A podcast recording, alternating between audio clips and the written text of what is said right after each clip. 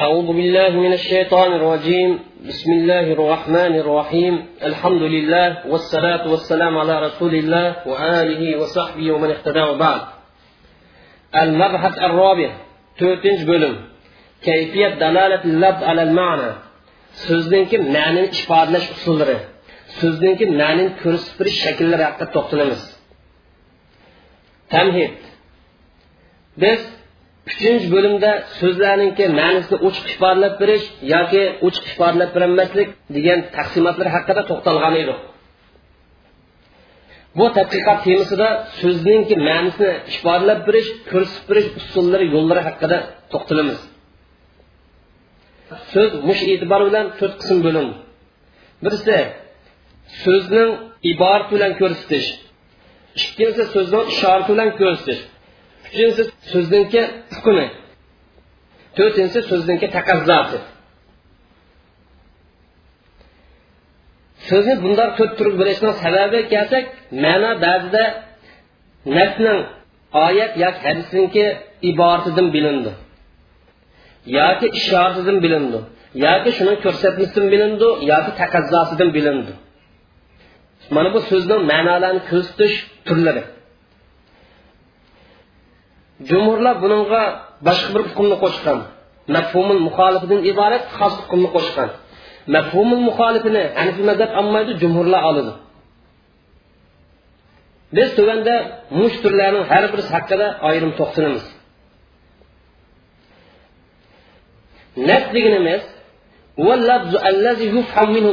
ma'na tushangini o'ldirgan so'zni naf deganimiz ma'no tushangini bo'ladigan so'zni naf deymiz har qanday bir so'zdan ma'no chiqsa mazmun chiqsa shu nafda iborat.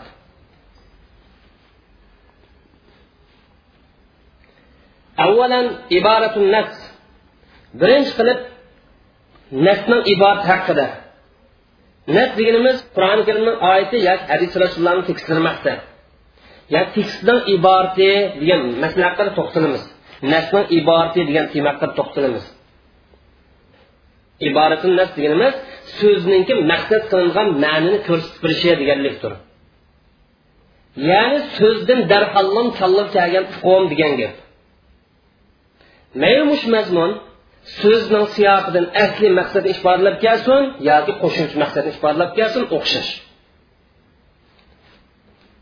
Iboratun nas deganimiz وهو دلالة اللفظ على المعنى المتبادر فهمه من نفس صيغته so'zning siyg'isidan darhollam kallol keladigan hukmni ko'rsatib berish deganlikdir mayli bu mazmun so'zning asli maqsadi bo'lsin yoki qo'shimcha maqsadi bo'lsin har qanday mazmun so'zdan tushunildi ya'ni iboratlar deganimiz bundan mazmun tushuniladigan so'zdir shariatning mustaslardan bo'lgan qaysi bir narsa bo'lib qolsa uning ma'nisi bor. İborat mush mazmunni ko'rsatib turdi. Mush mazmun yo so'zdan maqsad qilindi buni asli maqsad deymiz yoki qo'shimcha maqsad qilindi buni qo'shimcha mazmun deb ataymiz. So'z mazmunni asli holatda yo qo'shimcha holat ifodalash uchun kelgan bo'lsa dalolatli iboraning qatoridan sanaladi biz nasga harfiy ma'no ishlatib al ma'na al mustafad min mufradat al kalam va jumali so'zningki a'zolaridan so'zning jumlalaridan ilingan mazmun deymiz. Dalolatli ibora deganimiz iboratun nas deganimiz so'zdan ilingan mazmun degan gap. Buni misoli alloh taoloning so'zidir. Alloh taolo qur'oni karimda olloh harom qilgan jonni o'ttamanglar olloh ilm o'ttirasini harom qil yo'lsiz holat ilm o'ttamanglar degan bu oyat karim iborat orqali ya'ni so'zlar orqali ilm o'ttirishning haromligiga dalil yana buning misoli namoz o'qinglar zakat. Beringlar mana mush oyatni iborati qarasak so'zi qarasak namozniki va zakatning farzligiga dalil mana mush mazmun oyatning kelishligi asli maqsad ba'zi so'z ikki mazmun yoki uch mazmunni ifodalash uchun keladi. Bu vaqtida ba'zi mazmunlar asli maqsad bo'ladi ba'zi mazmunlar qo'shimcha maqsad bo'ladi. Masalan buni misoli alloh taolo va ahallallohu bay'a va harrama riba. Alloh taolo ilm sotimni halol qildi jazolini harom qildi degan oyat karimidir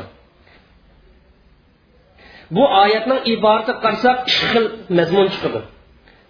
Birinchi mazmuni ilm setim bilan riba o'xshashmaydi ikkisi ayrim narsa degan hukmni berdi mana bu oyatning kelishidagi asli maqsad. Chunki bu oyat karima mushriklarninki ilm setim riba o'xshash hech qanday farqi yo'qku degan so'zga raddiya bo'lib kelgan. Oyat karimaning ikkinchi ma'nosi ilm setim halol jazoni bilan shug'ullanish harom deganlik chiqadi mana bu oyat karimaniki qo'shimcha ma'nosi. Asli ma'nosi bu emas. Asli ma'nosi ilm satim bilan ribo o'xshashmaydi deganni ifodalashdir ya'ni bu oyat karima mush mazmunni asli maqsadi deb ifodalash uchun kelgan emas. Balki bu qo'shimcha maqsadi deb ifodalash uchun kelgan. Buni dalili shuki ilm satim halol jazon harom deb o'tdamasdimi ikkisi o'xshamaydi deganga ayrim bir hukmni ayrim bir so'zni qilgan bo'lsa qilish mumkin edi. Uni demak buni deganlik ilm satimni halolligi jazoni haromligidan iborat qo'shimcha bir mazmunni ifodalash maqsad. Qur'oni karim mush mazmunni bayon qilgan vaqtida mana bu oyat karimning kirishirga tava maqsaddir degan hukmni berdi demak tava maqsad bayon qilingan vaqtida tabiiy holat oyatning asli maqsad nima degan mush mazmun ifodalashga yetkin bo'ladi.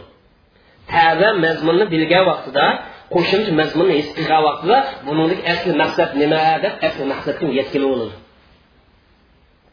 Shuni bilish kerakki qur'oni karim va sunnatdagi nususlarning mutlaq ko'p qismi ahkamlarga iborati nas yo'l orqali dalildir qur'oni karimning va sharifninki ko'p nususlari ahkamlarni iborati nas yo'l orqali ifodalab berdi buning yana bir misol alloh taolo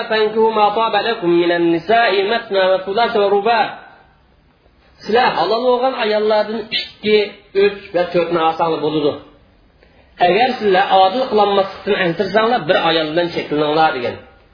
Bu oyat karima iborati bilan uch xil mazmunni ko'rsatadi birinchi mazmuni nikoh qilish halol to'y qilish halol bu oyatniki qo'shimcha maqsad ikkinchi ma'nosi eng yuqoricha to'rt ayol elish lozim ayolning soni to'rtlan bo'lishi kerak to'rtdan eshikkas bo'lmaydi degani bu asli maqsad.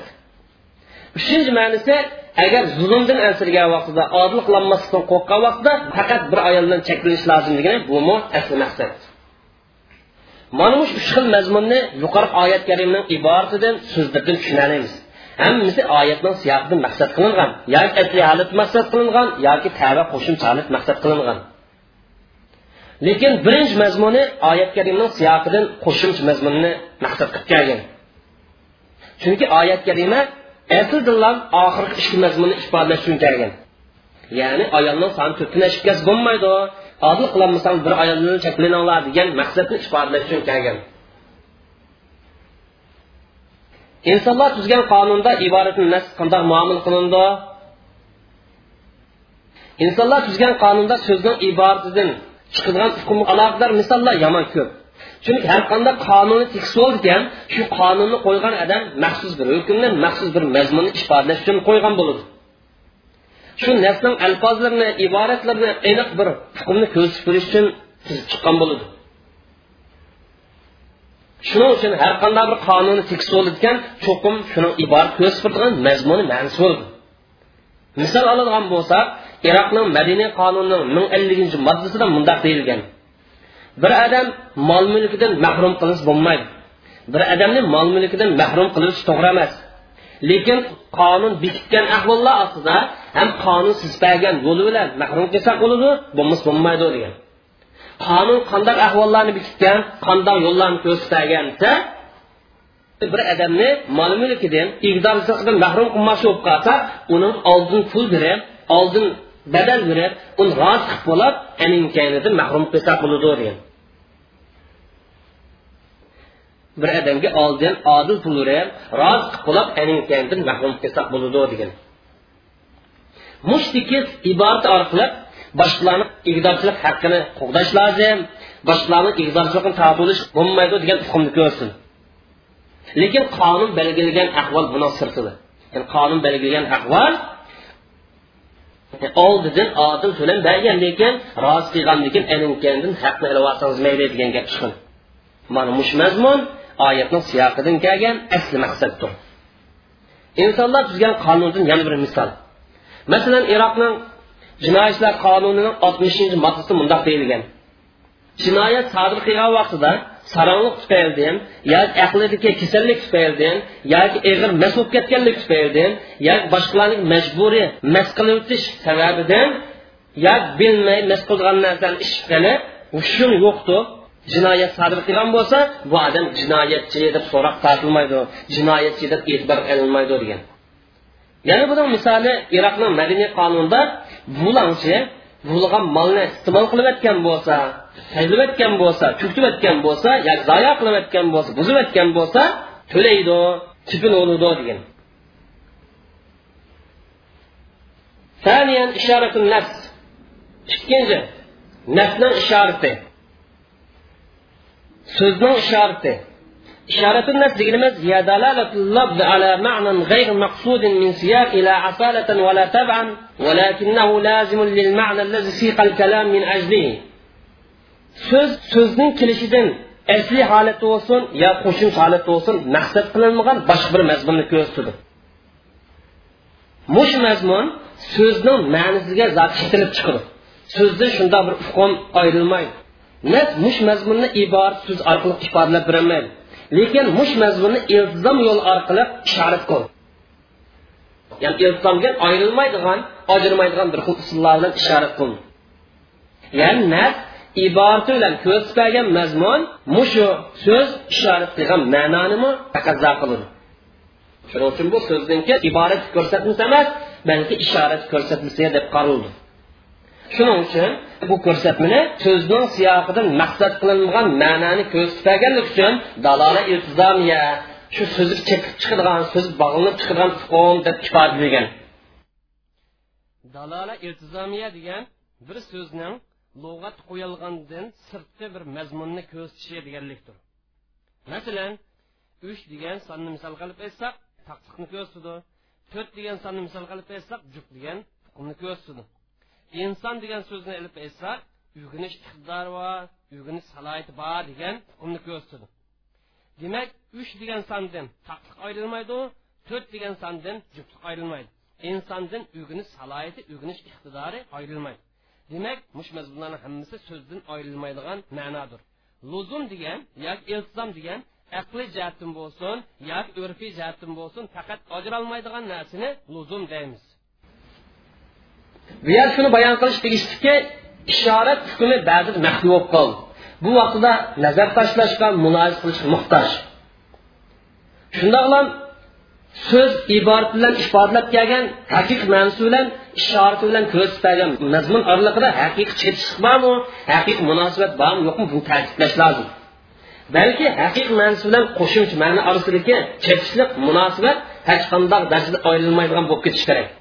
balki haqiqiy ma'no bilan qo'shimcha mazmun orasidagi munosabat ajralmaydigan darajada kesib qo'lishi kerak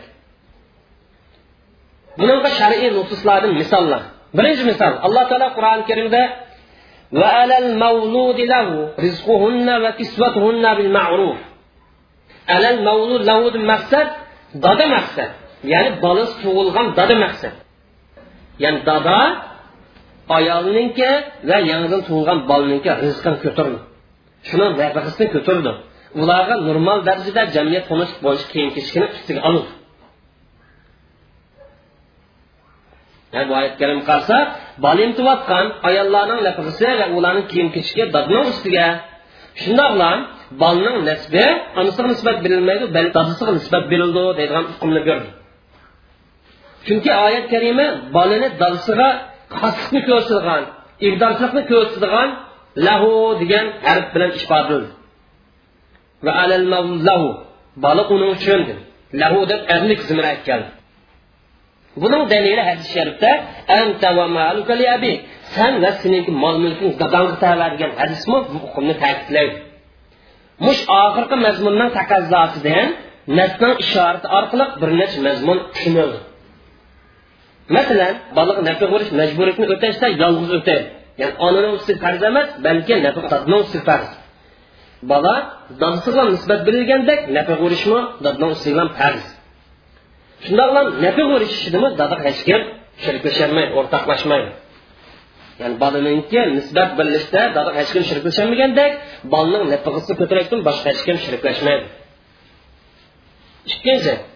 dada bolaning mol mulkidan ehtiyojini qandoqrek ahvol ostida os bo'ladi degan hukm chiqadi chunki bola dadasiga nisbat berildi igdorchilik bilan ya'ni dadaning bolasi bu deb nisbat berildi va alal lahu degan gap chiqadi. Ya'ni bola dadaga tavadi bolani qul qilib ishiltish bola erkin bo'lganlik uchun hur tug'ilganlik uchun mumkin emas. Lekin bolaning mol mulkiga ega bo'lish bolaning mol mulkini ishiltish durust. Ya'ni dadining ehtiyoj bo'lib qolsa bolasini mol mulkidan ehtiyojini qandog'idek normal holat iste'mol qilsa bo'ladi degan hukm chiqdi. Chunki bola taqsiz nisbat berildi ikkinchi misol. Alloh taolo lakum laylata siyami rafaqu ila nisaikum. Ramzon kechalari ayolinglarga yaqinlashish ayolinglar bilan jimo qilish sizlarga halol qilindi degan. Bu oyat karimning labzi qarsa bu oyat karimning iborati qarsa kishining eng oxirgi qismigacha ya'ni tong ayollar bilan birga bo'lish halol degan hukmni ifodalaydi ya'ni tong otgan qadar kishini qaysi vaqtda bo'lib qolsin ayolga yaqinlash bo'ladi degan hukmni berdi. Ayollarga yaqinlashish tong otgan qadar so'zildiganlik uchun buningdan ramzon tutgan odam ba'zida junub qo'pab qolishi mumkin degan mazmun chiqadi unda bo'lgancha bu odam haqida ikki xil sifat shakli birisi junublik yangrisi ramzon sahar vaqtiga yaqin yo sahar vaqti juma qilganlik uchun junub holatga o'tdi ham jo'nishda ildirib olganlik uchun junub tutdi hamda sahar vaqtida tong otishga ilgari ramzon niyat qilganlik uchun ramzon tutgan bo'ldi. Demak bu odam junub bilan ramzon tutishdan iborat ikki xil ishning birlashganligi ikki bir biri qarshi bir odam junub holat qo'pib qolsa ramzon buzilmaydi. Shu tong otgan qadar juma qilish halol. Shuning uchun ramzon buzilmaydi. Demak oyat karima iborati orqali kishining eng oxirgi vaqtgacha ayolga yaqinlash muboh deganni so'z orqali ifodalab berdi ham ishorat orqali ramzon tutgan odam ba'zi junub holat qo'pib qolsa junolmay qolib qolsa tong otishga ilgari durust degan hukmni ifodalab berdi lekin ramzon chiqqan odamning junub bo'lib qolishi durust degan hukm oyatning siyoqida maqsad qilinmagan. Lekin oyat iborasi bilan ko'rsatgan mazmundan chetlab chiqqan. Shu mazmunga bog'langan. Uchinchi misol alloh taolo muhajirin allazina ukhriju min diyarihim va amwalihim yabtaguna fadlan min allohi va ridwana allohning fazilatini allohning roziligini izlab yurtlari va mol mulklaridan ayrilgan qo'g'lab chiqilgan muhojirlarga g'animat berilsa bo'ladi degan bu oyat kalima muhojirlar g'animatdan bir ulushga haqli deganni ifodalab kelgan bu nasni iborat ham ishorat yo'l orqali bu muhojirlar makka mol mulklaridan ayrilib qolgan kofirlarning egallanish orqali bular kambag'al bo'lib qolgan degan hukmni berdi chunki oyat kalima lil fuqaro kambag'allar degan. Ya'ni bular mol mulkini qo'ldan kelish orqali kambag'al bo'lib qolganlar degan hukm ishorat yo'li orqali chiqadi demak bularniki mollardan quruq qolganligi oyat karimniki asli holatda yo qo'shimcha holat maqsa emas. Mushularmi g'animatning bir qismi birinchisi bo'ldi degan hukm asli maqsadi lekin oyat karim fuqaro degan so'zdan mana bularning mol mulk yo'qolib ketgan kambag'allar degan hukm chiqadi ba'zida bu misolni ishorat daliliga misol keltirmaymiz balki taqozo daliliga misol keltirmaymiz. Dalolatli iqtidor misol keltirsa taqimi jonliq bo'ladi to'g'ri bo'ldi deb qaragan to'rtinchi misol fasalu ahla zikri in kuntum la ta'lamun. Agar siz bilmaydigan bo'lsanglar bilimli odamlardan ahli ilmlardan mollalardan fuqarolardan so'ranglar degan. Bu oyat karimni iborati qarasak bildigan odamlardan bilimli odamlardan ahli ilmlardan mollalardan so'rash vojib degan hukmni berdi mana bu oyatdan kelishib asli maqsad ham ahli ilmlardan so'rash uchun ahli ilmlarni bilimli odamlarni mollalarni fuqarolarni qobiliyatli odamlarni yetishtirishni vojib ekanligi chiqib turdi so'ranglar ma so'raysak mol yo'q qanday so'raymiz desa unda bo'lib qolsa mollani yetishtiringlar degan hukm chiqadi molla yetishtiringlar ahli ilm yetishtiringlar degan mazmun oyat karimning asl maqsad emas balki ishorat yo'li orqali chiqqan hukm beshinchi misol alloh taolo fil amr. Ular bilan maslahatlash bu oyat karim iborat orqali islomdagi siyosat yurgizishning asli qoidasi kengash bilan ish qilish degan hukmni berdi bu mazmun islom ummat ichida maslahat beraligidek maslahat ko'rsataligidek bir bo'lik odamlarning tepilishi mavjud bo'lishining lozimligini taqozo qiladi. Chunki ummat islomiyatidagi har bir odamdan maslahat so'rash aql sig'maydi. Maslahat beradigan qobiliyat bilim bo'lishi kerak. Shu masalani bilish kerak uqish kerak. Mana qobiliyatli bilimli maslahat beradigan odamni yetishtiringlar degan bu hukm oyat karimning kelishiga asl maqsad emas lekin ishorat yo'li bilan kelgan hukm oltinchi misol alloh taolo qur'oni karimda bolaninki qo'saq turadigan muddati onadan ayrilishi o'ttiz oy degan. Bolaninki qo'saq turadigan muddati va ayrilishi o'ttiz oy degan hukmni ifodalaydi ya'ni bu oyat karima iborat orqali ona bolasini qo'saq necha oy ko'targanlik uchun va necha oy emitganlik uchun onaning bolasida haqqi bor onaning farziyati bor degan hukmni ifodalaydi yana alloh taolo bola ikki yil ayrilsa bo'ladi bola ikki yil ayrilsa bo'ladi degan hukmni berdi ya'ni bola to'liq ammasi bo'lib qolsa ikki yosh amsi bo'ladi degan hukmni berdi bu ikki oyat kariminiki sharti qaraydigan bo'lsak ya'ni homildorlikning qo'saq ko'tarishning eng tuvan muddati olti oy degan hukm chiqadi. Mana bu oyatni qilsak aniq. Chunki bola bolaniki qo'saq turish muddati bilan ayrilish vaqti o'ttiz oy bo'lib qolsa o'ttiz oydan ikki yilni ya'ni yigirma to'rt oyni ilib etsak qo'saq turadigan vaqt olti oy degan hukm chiqadi mana bu ishorat hukm ya'ni qo'saq ko'tarish muddati olti oy eng oz bo'lgancha olti oy bo'ladi degan hukm chiqadi. Yettinchi misol. Payg'ambar alayhissalom mushundoq bayram kunlarida hayit kunlarida boshqalarni so'rashdan hojat qilinglar. Kambag'al bichoralarni holi yetinglar u boshqalar chinab o'zini to'kmasin ularni bir xushal qilinglar degan. Bu hadis sharifni iborati qarsak hayit kunda kambag'allarga sadaqatul fitrni beringlar. Sadaqa fitrni ado qilinglar degan hukmni berdi chunki bu hadis sharif aslida mush hukmni ifodalash uchun kelgan. Iboratidan shundoq gap chiqadi. Lekin ishorat yo'l orqali bir necha ahkamlarni ifodalaydi ya'ni sadaqatul fitri boyning ustiga vojib. Chunki boy qilish degan boy tarafidan bo'ldi. Boy odamdan boshqalar behojat qilolmaydi degan. Ya'ni behojat qilish degan boy tarafidan bo'ldi. Kambag'al behojat qilolmaydi degan hukm chiqdi. Ikkinchi ishorat hukmi sadaqatul fitrni muhtojlarga bermaymiz boy odamda ham emas degan hukm uchinchisi chiqarilgan narsa mutlaq moldan chiqarilsa bo'ldi. Ya'ni sadaqatul fitrni bug'doy chiqarish shart emas. Mutlaqman. Molga tava har qanday narsa shundan chiqarsak bo'ladi. Chunki bu yer hadis ularni bihojat qilinglar. Bihojat qilishsa ham pul bersin bihojat bo'ladi undan boshqa narsa bihojat bo'ladi. Mana bu hanfiy mazhabning ko'z qarashi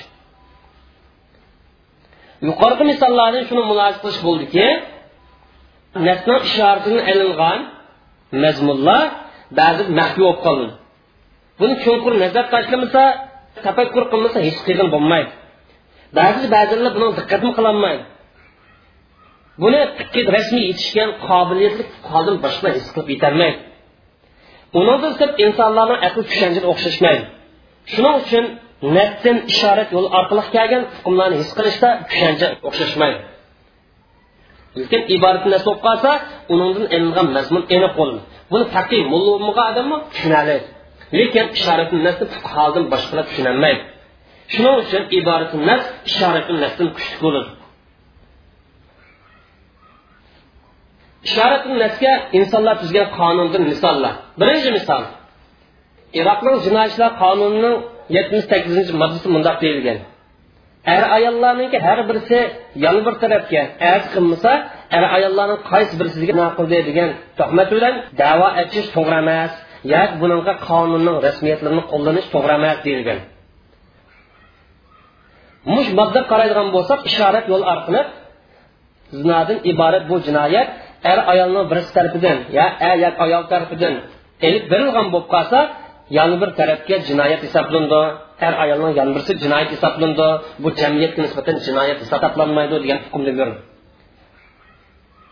chunki mush mazmun nafning iboratidan chiqadigan hukm.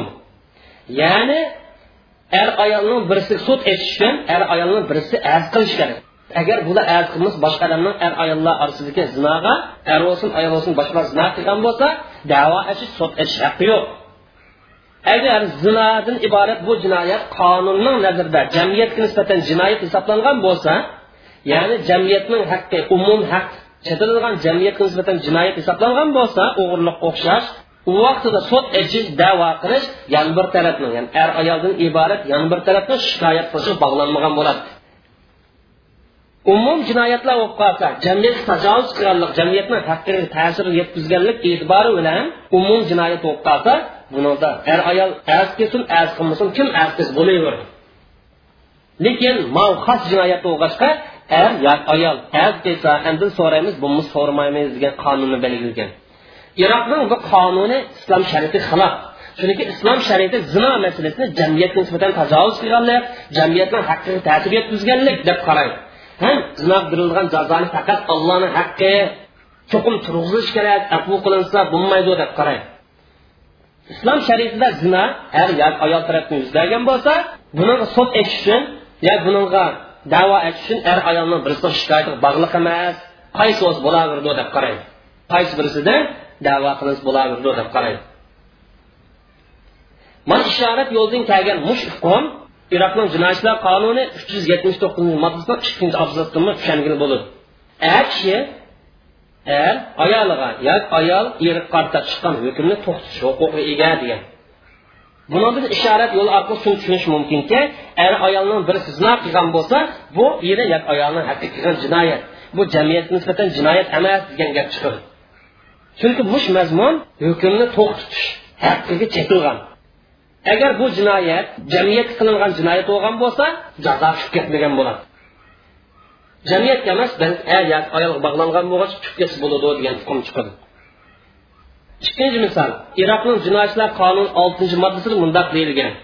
Bu qonunning ahkomlari iroq ichida yuz bergan jinoyatlarning hammasiga oqidi har qanday ahvol qonun iroq ichida yuz bergan jinoyatning hammasiga yoki ba'zisiga hech qo'shgan odamga qonun oqidi har qanday ahvolda iroq ichida yuz bergan jinoyatga jinoyatni hammasi hech qo'shgan bo'lsin yo qismi hech qo'shgan bo'lsin hech qo'shgan qonun yaqayverdi gar shu odam sirtda chat turib hech qo'shgan bo'lsinmi mayli o'zi guvoh qilsin mayli shirk bo'lib qilsin iroqni ichi bilan yuz bersa buni qonun tadbiqlandi degan hukm chiqadi bu moddalar iborati qarasak iroqning jinoyatchilar qonunini iroq davlat ichida yuz bergan jinoyatning hammasiga tadbiqlaymiz degan hukm chiqadi qaysi jinsiyatdan qaysi millatdan bo'lishidan qat'iy nazar iroqcha jinoyat sodir qilganlarni hammasi tadbiqlaymiz degani bu so'zidan chiqadigan hukm lekin ishorati qaraydigan bo'lsak iroq chet elliklarga imtiyoz yo'q.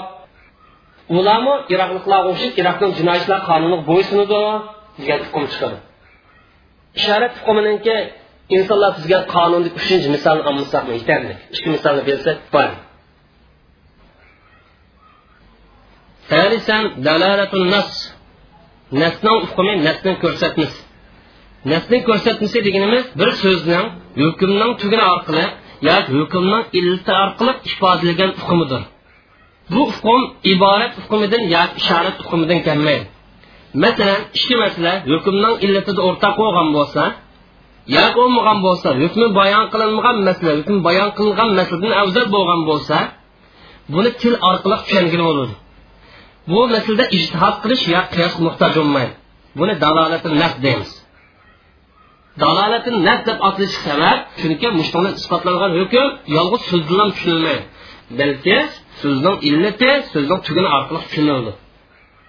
دلالة النفس ديجنمس وهي دلالة اللفظ على أن حكم المنطوق أو المذكور في النفس نفس بيان قلنغان حكم سوزلنغان حكم illat jihat o'rtaq bo'lganlik uchun hukmi bayon qilingan masalaga isbotlandi deganlikdir.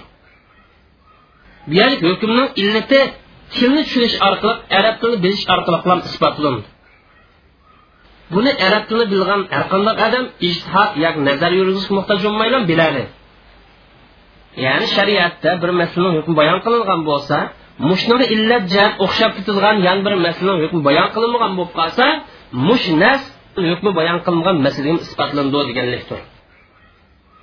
Ba'zanlarimiz bu hukmni dalolatu dalola ko'rsatmaning ko'rsatmasi deb atagan.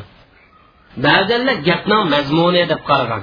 Shuni ahvol kalom degan ya'ni gapninki mazmuni ma'nisi degan bo'ladi shofiy mazhab mafhumi muvofiqa so'zningki ma'nisiga uyg'unligi deb atagan. Chunki so'zningki sukut qilingan hukmi bayon qilinmagan masala qarta so'zning hukmi so'zlangan hukmninki madluliga ko'rsatmasi tamoman uyg'un. Shuning uchun hukmi bayon qilinmagan masala hukm jihatda hukmi bayon qilingan masalaga uyg'un bo'ladi shuning uchun shariat hukmi kelmagan masala shariat hukmiga so'zlangan masala hukmiga uyg'unlishi ba'zanlar bu dalolatni ochiq oshkor qiyos deb atagan ba'zanlar avzal qiyos avzal ko'rsatma deb atagan. Chunki sukut qilingan masalan hukmi so'zlangan masalan hukmidan avzal chunki sukut qilingan maslda hukmning illati so'zlangan masala qarg'avosi jonliroq holatda oshkor bo'ladi. Shuning uchun nas iborati orqali muayyan bir masala hukmini ko'rsatsa illat jihatda o'xshab ketadigan yoki illat taqmi afzal bo'lgan yana bir voqelik topilsa yana bir masala topilsa illatga o'xshashlik yoki illatga afzallik faqat til orqali tushunildi. Hech qanday nazar muloyiz qilmasdan bilindi. Tanlıq dərhallab muş nas ikki hukmni ikki masala o'z ishiga oladi ekan degan hukm darhol kalla kilin mush nas ikki masalani hukmini ifodalab beroladi ekan degan hukm darhol kalla kilin shariatda nas kelgan hukm shariat nas kelmagan hukmga isbotlanadi ekan. Birinchi masalaning hukmi ikkinchi masalaning hukmi isbotlanadi ekan degan bo'ladi.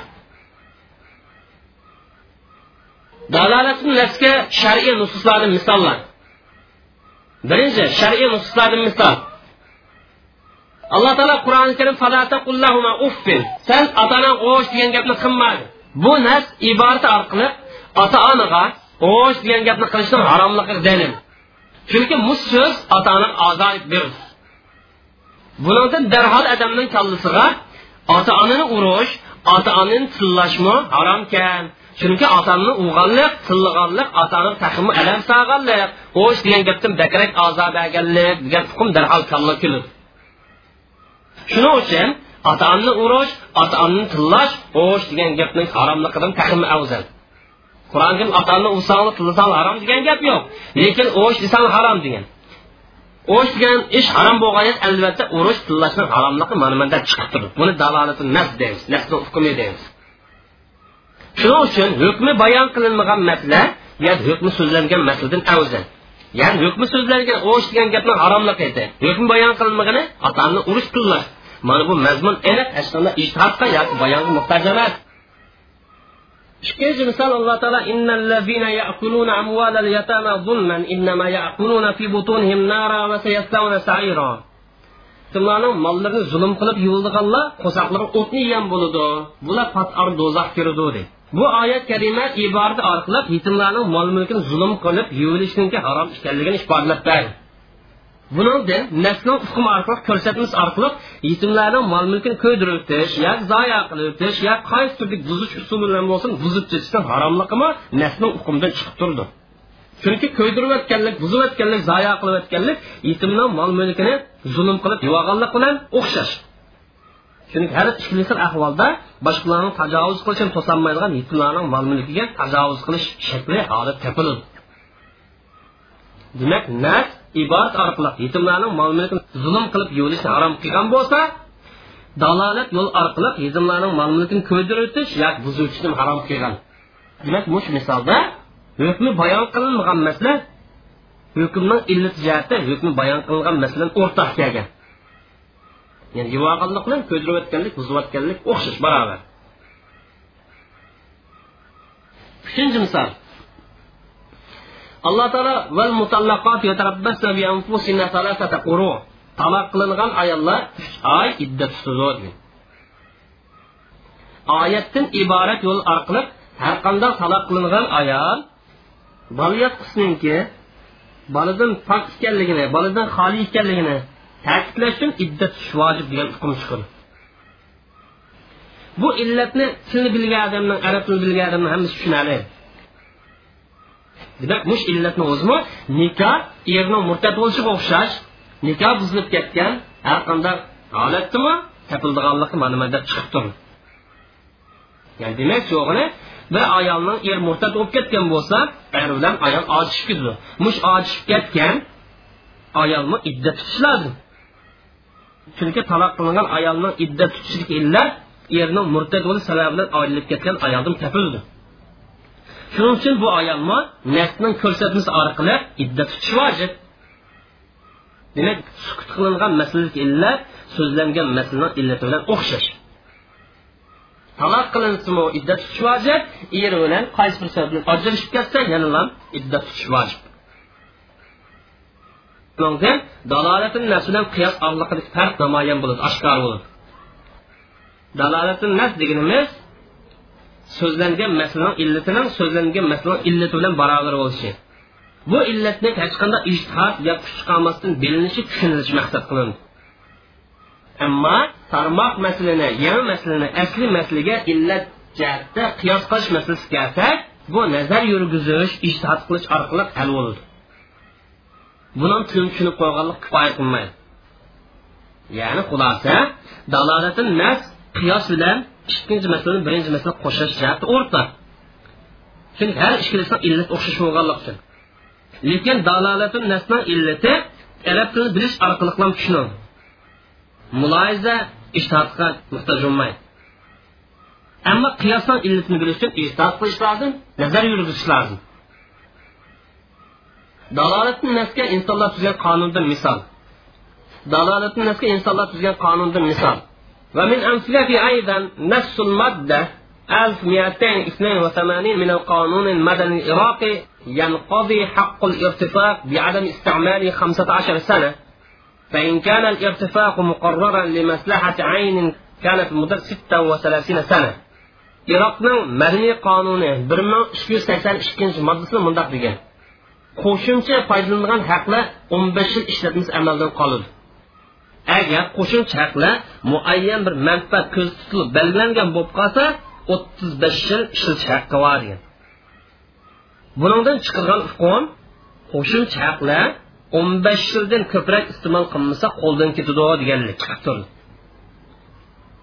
chunki bu xil ahvolda muddatdan chiqib ketganligi yoki bu hukmning amaldan qolganligi nasninki bayon qilgan nasn afzal ya'ni tashlash muddat eshib ketsa andin amaldan qoldi degandan ko'ra o'n besh yil ishlab amaldan qoldi degan hukm afzal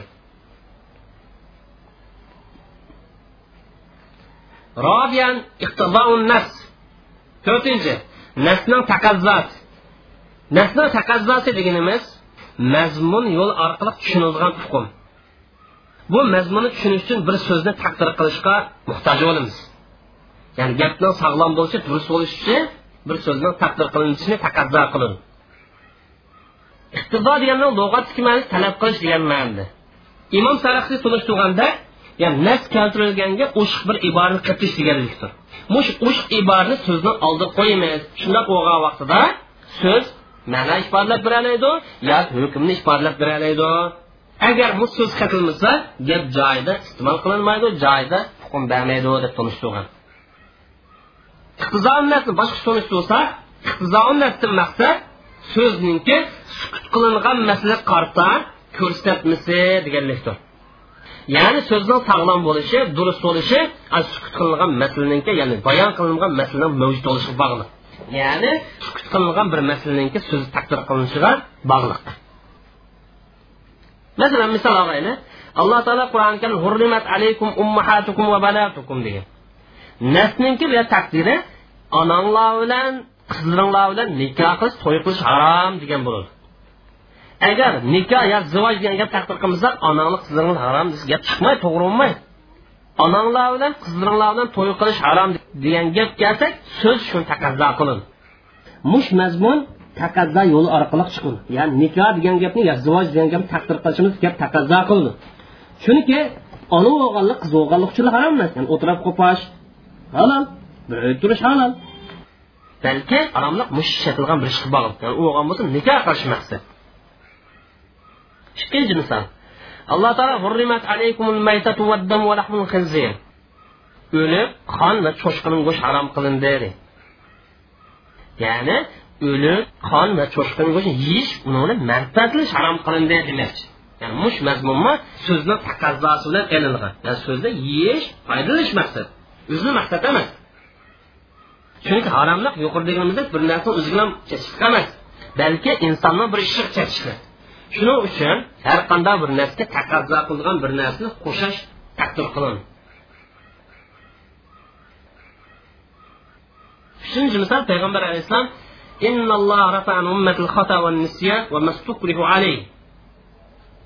bu so'zni zohiri qarasak xato holatda unutib qolgan holatda yoki majburlangan holatda yuz bergan ish ko'tarilib ketadi degan dalil ya'ni mush ishlar yuz bir bo'lgandan keyin bo'lib bo'lgandan keyin ko'tarilib ketadi degan dalil yo bo'lmagan bo'lsa bu zohir qarasak islom ummatini xatolashish unutib qolish majburlash yuz bermaydi degan hukmni yuqori har ikkili xil tushunish to'g'ri emas. Chunki birinchi qilib amaliyot yuz bergan narsa ko'tarilib ketadi mumkin emas. Amaliyot yuz bergan o'zi qoladi yo ta'siri qoladi ikkinchi qilib bu xatolish unutib qolish majburlashni iborat bu ishlar islom ummati bor shuning uchun ko'tarilib ketadi degani bo'lmaydi. Hadisdan zohiri qarta muomil qilgani bo'lmaydi. Shuning uchun gapning sog'lom bo'lishi durust bo'lishi uchun ya'ni yuqori ishlarni yo'qmi yoki yuqori ishlarni gunohi ko'tarilib ketadi degan gapni qo'shish kerak. Unda bo'lgancha mening ummatimdan mush ishlar kimdan yuz bersa shu odamdan gunoh ko'tarilib ketadi shu ishlar hukmi ko'tarilib ketadi degan bo'ladi demak bu yerda gunoh degan masala bayon qilinmagan mus so'z zikr qilinmagan. Demak gapning sog'lom bo'lishi is yoki hukm degan gapni taqdir qilishga bog'liq. Unda bo'lgancha hadisni hukmi taqazzo yo'li bilan tushunil e'tibor qilin to'rtinchi misol bir inson yana bir qo'yva insonga man vakolatan kambag'allar o'n tilla qilib qilayotgan degan bo'lsa bu gap qo'yni egisidan o'n tilla sotib olib aninkani sadaq qilishni taqozo qiladi chunki qo'yning egisi kambag'allar bekor bekor sadaq qilib qo'ymaydi. Lekin boshqa odam buyurgan vaqtida pulni olgan chog'da aninkani sadaq qiladi. Demak bu yer sotib olish nafsni taqozosidan chiqib turdi. Dalolatul ibora dalolatul ishora dalolatul nas dalolat iqtido degan mushkatni xulosasi kelsak dalolatul ibora deganimiz nas siyg'isi alfozlar orqali mazmun ifodalar hukm berish deganlikdir shuni bilish kerakki dalolat nas maxsus mush hukm uchun kelgan bo'ladi shuning uchun buni nasni iboratini isbotlangan nas maxsus mushun uchun kelgan degan bo'ladi dalolatul ishora deganimiz nasning siyg'isi alfozlar orqali bir hukmni ko'rsatib berishi lekin so'z mush ishorat uchun kelgan bo'lmaydi. Shuning uchun bu nasni ishorati bilan isbotlandi deymiz.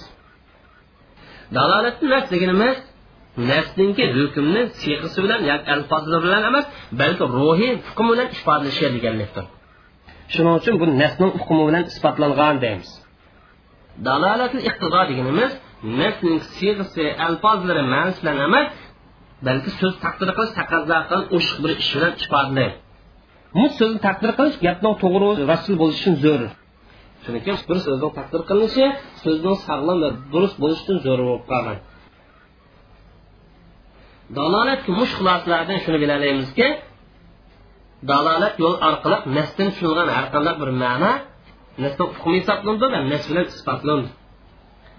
Nas shuni hujjati dalil hisoblandi shuning uchun yuqorgi to'rt turli dalolatni dalolatul mantoq so'zlangan so'z orqali labz orqali ifodalab bergan dalolat deb ataymiz. Deymiz. Shuning uchun to'rt dalolatni dalolat mantuq so'zlangan uqum ya'ni so'zlash orqali ya'ni nas topilganlikdan chiqqan uqum deb ataladi mantuqi nas deganimiz dalolatul mafhum qarsh dalolatul mafhumga mafhum muxolifat. Dalolatul mafhum deganimiz bu mafhum muxolif shu biz mafhum muxolifini tuvandagi afzal tafsirini to'xtalamiz biz tuvanda mafhumul muxolifidan nima ekanligi haqida to'xtalamiz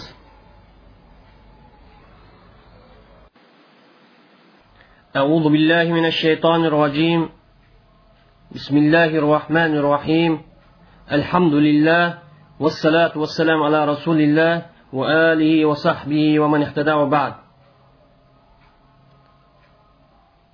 خامسا مفهوم muxolifa. So'zning ma'nilarni ko'rsatish shaklining beshinchisi mafhum muxolifa degan hukmdir mafhumul muxolifa degan so'zning ta'turisini ilish gapning ta'tur mazmunini ilish degan bo'ladi. Biz yuqorida so'zlangan hukmning so'zlanmagan masala qarta illat jat o'rtoqlik bo'lganligini dalolatinnas yoki mafhumul muvofiqa deymiz degan edik yuqorida shariatda hukmi so'zlangan masalaning hukmi so'zlanmagan masalaga o'rtaq barobar kelganligini uyg'un kelganligini dalolatinnas deymiz yoki mafhumul muvofiqa deymiz degan edik ya'ni shariat hukmi bayon qilingan masalaning hukmining hukmi bayon qilinmagan masalaga isbotlanishi qaysi sababdan isbotlandi desak hukmi bayon qilingan masala bilan bayon qilinmagan masala til jihatdan illat o'rtoqlik bo'lganligi uchun isbotlandi degan edik.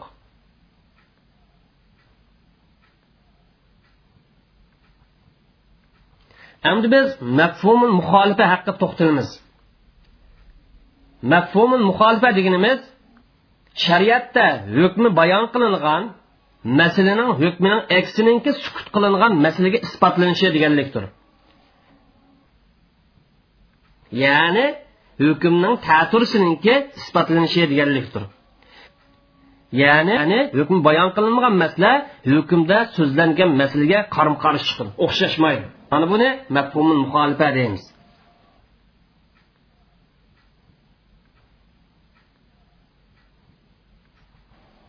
Mafhumul muxolifa deganimiz bayon qilingan narsa uchun isbotlangan hukmni bayon qilinmagan masaladan inkor qilish degan ma'nini ko'rsatadigan hukmdir.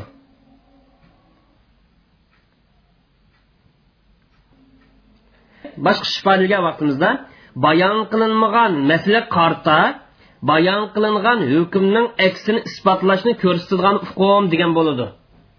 Mana bu mafhumul muxolifining tunishtirilishi birinchi hukm mantuqin nas nasning so'zlangan hukmi degan bu. Dalolatul ibora dalolatul nas dalolatul ishora dalolatul iqtido degan mantuqin nas. Ikkinchi hukm mafhumul muxolif yoki dalilul xitob deb ataladi mafhumul muxolif degan gapning tatu tushanchisi yoki gapning mazmuni yoki xitobning ko'rsatmasi degan bo'ladi imom omidi bu to'g'risida mundoq degan. Mafhumul muxolifa deganimiz bir so'zning hukmi bayon qilingan masalada hukmi bayon qilingan masalaninki ta'tursicha aksicha isbotlanishi deganlik bo'ladi degan edi. Mafhumul muxolifat dalilul xitob ya'ni so'zning ko'rsatmasi deb otiladi. Dalilul xitob deb atilishiga sabab chunki xitob osh hukmni ko'rsatganligi uchun dalilul xitob deb atalgan. Mafhumul muxolifa bir necha turga bo'lindi. Buning mashhur turlari tuvandikicha. Ya'ni mafhumul muxolifini olamiz gapning ta'tur hukmini olamiz deguchilar tuvandiki bir necha turlik muhim turlarni e'tiborga oludi birinchi mafhumi sifa. Sifat hukmi mafhumi sifa uyg'urchilik aniqlovchi degan so'zga tamoman to'g'ri keladi. Mafhumi sifa degan sifat bilan muqayyat bo'lgan ya'ni cheklimiga uchirgan so'zning ko'rsatmasi shu sifat yo'qolgancha hukmi yo'qoladi deganlikdir. Bu yerdagi vasfidan maqsad mutlaq sifat maqsad. Ya'ni shart bo'lmasa g'oya bo'lmasa san bo'lmasa ham bo'ladi. Bu yer sifatdan maqsad shart g'oya san bo'lmagan mutlaq cheklim maqsad. Vasfi deganimiz bu natidan umumroq narsa. Mayli grammatika tava. Sifat mavsuf bo'lsin. Masalan fil g'anami soimat zakatun. Yoyloqda qilgan qo'ylar zakat va deb g'anami soima deb sifatlanib kelgan bo'lsin yoki izofatli kelgan bo'lsin. Ya'ni soimatul g'anam yayloqning qo'ylari degan bo'lsa. Baribir o'xshash. Buni vasfi deymiz. Buni misoli matlul zulmun. Boy odamning qarzni bermay so'zg'anligi zulmdir degan bo'lsak bumi vasfining qatoridan sifatning qatoridan. Yoki zarf zamon bo'lib kelsa alloh taoloni so'zi o'xshash ya ayyuhallazina amanu iza nudiya lis-salati min yawmil jumu'at ey mu'minlar juma kuni namoz azon to'lansa yovmi juma darp zaman juma kuni vaqtni ko'rsatadi. Yoki darpi makon bo'lib kas ba'un fi bag'dad. Bag'dadda yomg'ir yog'yotidi bag'dadda yomg'irliq bulut ko'rinyotidi degan bo'lsa bu darf makonni ifodalaydi demak yuqorqi nat oltida kelishi idofat holatiga kelishi zarbi zaman zarb makon holatiga kelishi mana bu uyg'ur tilidagi aniqlikchi degan hukmning dal o'zi. masalan buning misoli alloh taolo ومن لم يستطع منكم طولا أن ينكح المحصنات المؤمنات فمما ملكت أيمانكم من فتياتكم المؤمنات degan kim sizlardan kim sizlardan iffatlik pok xonimlar bilan to'y qilishga iqtidori kuchi yetmasa iqtisodiy ahvol yor vermasa mo'min qizlardan bo'lgan qullar bilan to'y qilsanglar bo'ladi degan edi mana bu oyat karima hur ayollar bilan to'y qilishdan ojiz kelgan vaqtida ya'ni iqtisodiy jihatdan imkoniyat yor bermay hur ayollar bilan to'y qilishdan ojiz kelgan vaqtida mo'min didak qizlar bilan to'y qilishni mubohligi dalil bu oyatninki hukmi. Endi bu oyatlar ta'til hukmi nima degan bo'ladi bo'lsa mo'min bo'lmagan didaklar bilan to'y qilsa bo'lmaydi degan hukmni ko'rsin. İkkinchi misoli alloh taolo va halailu abnaikum allazina min aslabikum sizlarning o'z pushtinglardan bo'lgan bolalaringlarning ayollari bilan nikoh qilsanglar to'y qilsanglar harom degan. O'z bolanglar o'z pushtinglardan bo'lgan o'g'linglar to'y qilgan ayolni osonli bo'lmaydi degan. Bu oyat karimaning ta'til hukmi ya'ni o'z pushtinglardan bo'lmagan baqib olgan bolalaringlarning ayolini osonli halol degan hukmni ifodalaydi yana buning misoli payg'ambar alayhissalom saimat zakatun. Yayloqda baqilgan qo'ylarga zakat keladi degan. Demak mush hadisdan ta'tir hukmini olmaysak yayloqda baqilmagan halab berib uyda bo'dab boqqan qo'ylar zakat kelmaydi degan hukm chiqadi. Jumhurlarning nazarida yoyloq baqilgan qo'yga zakat va uyda bo'dab baqilgan halab berilgan qo'ylarga zakat yo'q degan hukmni ko'rsatdi ammo hanifiy mazhab uyda bo'dab baqilgan bo'lsin yoki halab bilan baqilgan bo'lsin buni o'xshashlam qimmatiga yetsa nisobga yetsa zakat bor deb qaraldi ya'ni ta'til hukmini ilish jumhurlarning nazarida mo'tivar hujjat. Ammo hanifiy mazhab hujjat emas. Ya'ni buning misoli payg'ambar alayhissalom kim uvlangan xomini sotgan bo'lsa mevsi sotquchiga tava bo'ladi degan. Kim? Ulangan xomining darxan sotgan bo'lsa mevsi sotquchiga tava degan edi.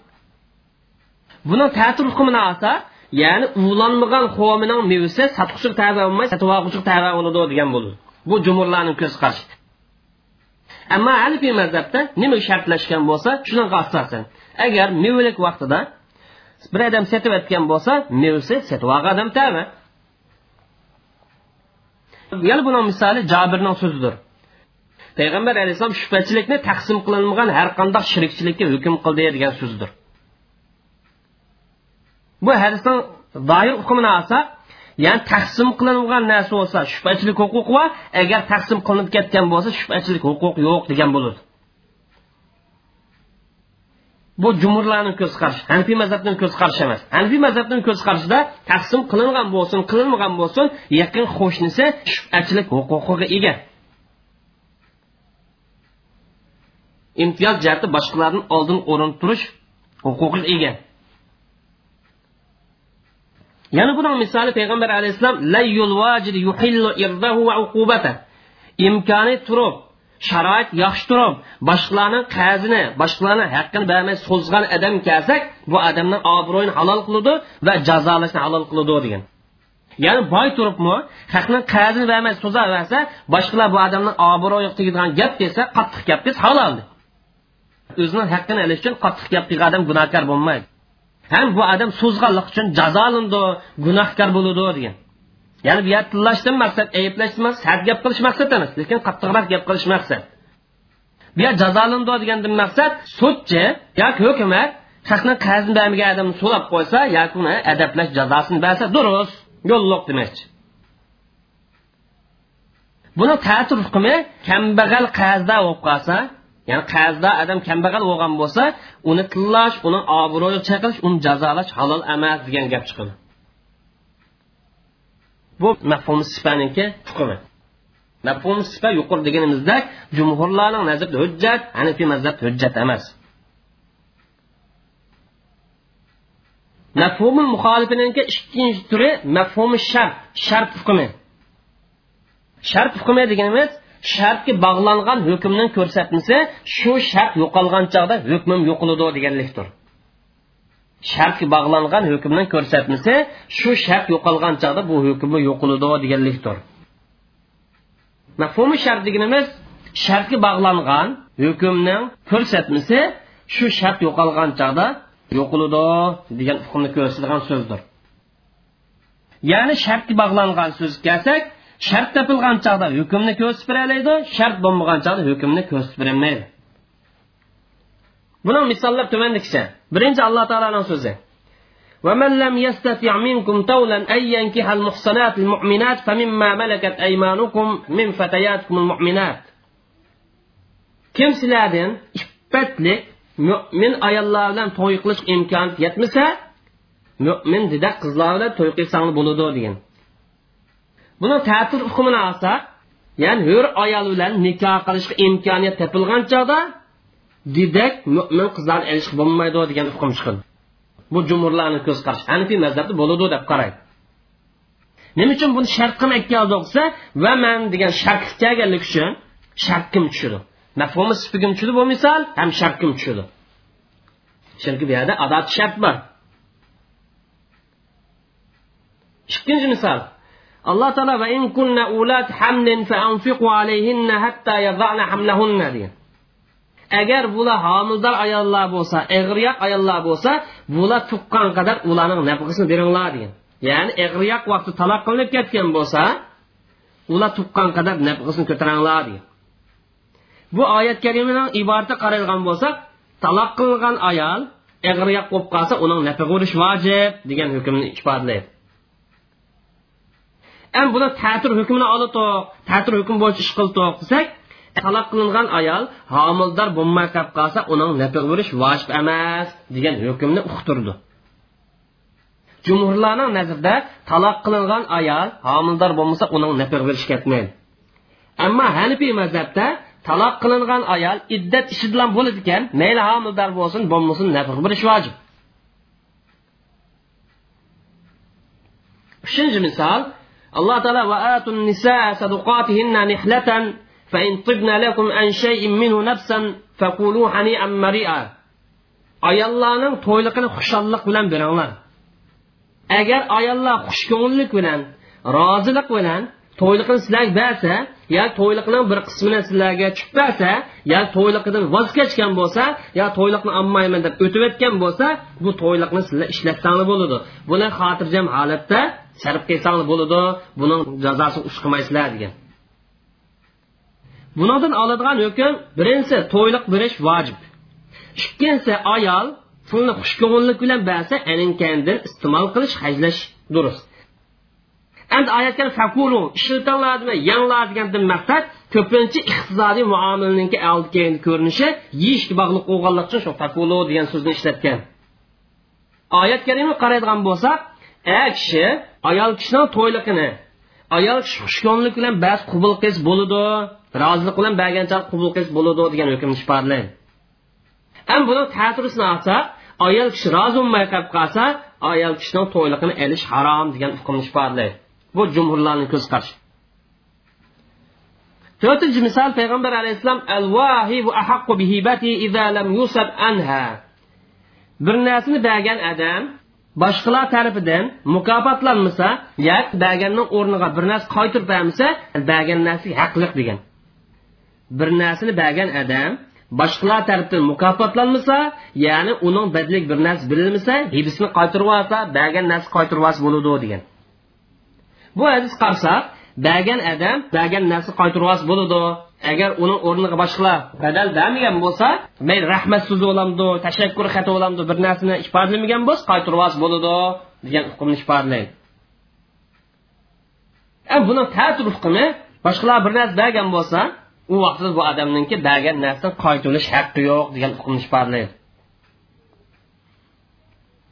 mafhumul muxolifini uchinchi tarmoqi mafhumul g'oya g'oyib hukmi. G'oyib hukmi deganimiz g'oyaga bog'langan hukmni ko'rsatmasi g'oyaning yo'qolishi bilan yo'qoladi deganlikdir. Ya'ni g'oyaga bog'langan so'zning hukmi shu g'oyadan keyin aksiga o'zgardi degan gap. Buni misol keltirsak alloh taolo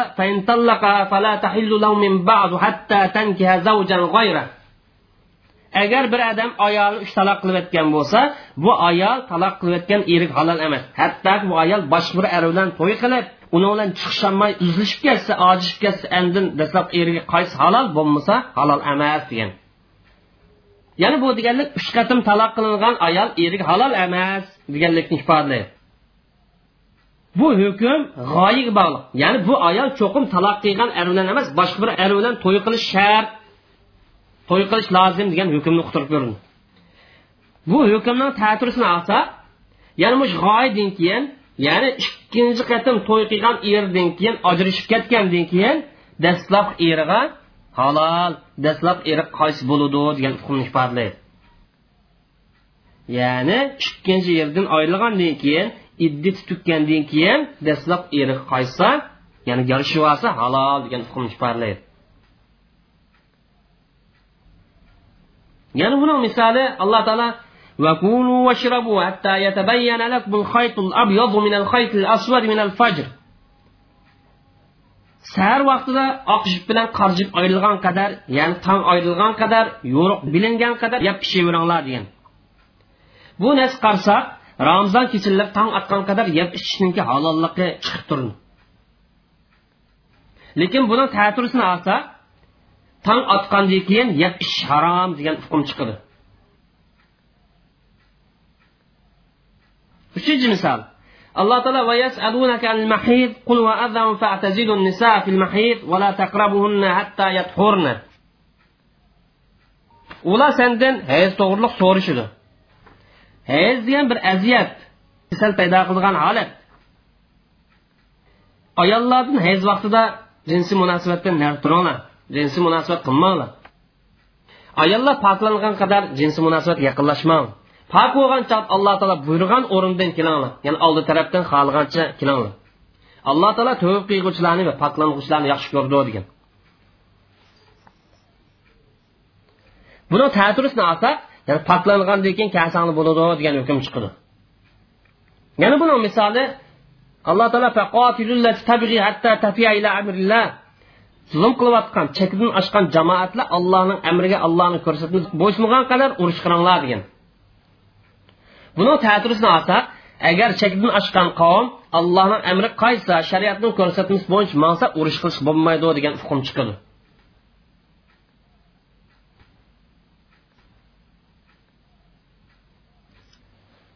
to'rtinchi mafhumul adad sonninki hukmi sonning ta'tir ko'rsatmasi sonning ta'tir ko'rsatmasi jumhurlarning nazarida hujjat hanifiy mazhabni hujjat emas mafhumil adad deganimiz songa bog'langan hukmni ko'rsatmasi son bo'lmagan chog'da songa bog'langan hukm yo'qoladi deganlikdir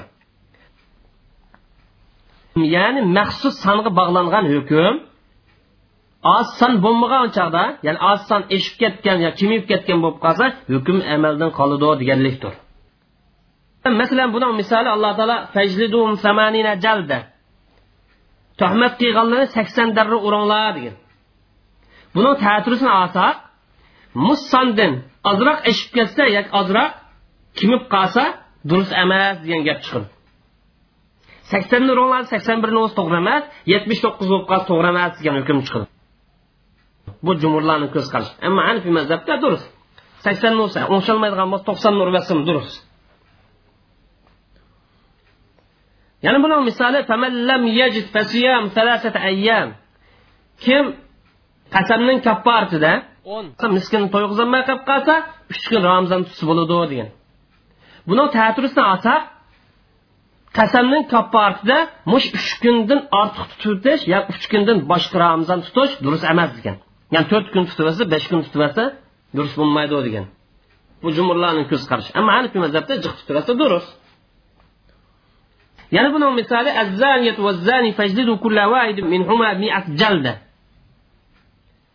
zinoxo'rlarning har birisini yuzlarini uringlar buni ta'sir hukmini olsak zinoga berilgan jazoda yuzdan ortiq yoki kam urish bo'lmaydi degan gap chiqadi bu jumhurlarni ko'z qarashi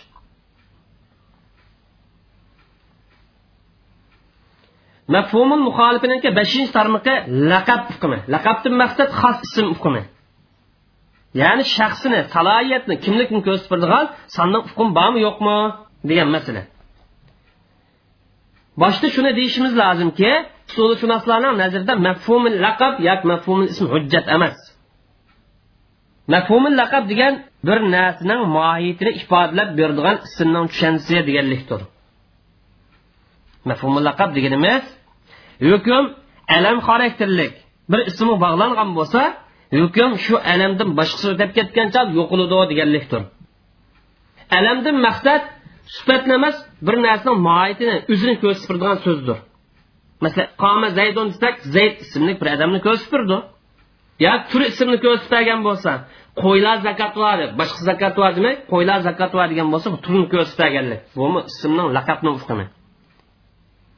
Masalan misol keltirsak alloh taolo muhammadu rasululloh muhammad alayhissalom allohning payg'ambari edi. Buni ta'tir hukmini muhammaddan boshqasi payg'ambar emas degan gap chiqadi demak bu hujjat emas. Ba'zanlar mafhumul laqabni olimizda lekin hujjat emas. Yana buning misoli urrimat alaykum ummahatukum. Onanglar bilan nikoh qilish sizlarga harom qilindi deydi. Ya'ni buni ta'tir hukmini olsa oyat karimda bayon qilinganlardan boshqalar bilan to'y qilish harom emas degan gap chiqadi. Yana buni misoli payg'ambar alayhissalom fil burri sadaqa. Bug'doyda sadaqa va bug'doyda zakot va degan. Buni ta'tir hukmini olsak bug'doydan boshqa zakot kelmaydi sadiq kelmaydi degan gap chiqadi demak bu hukmlar ilinmaydi. Usulshunoslar buni hujjat emas deb qaraydi.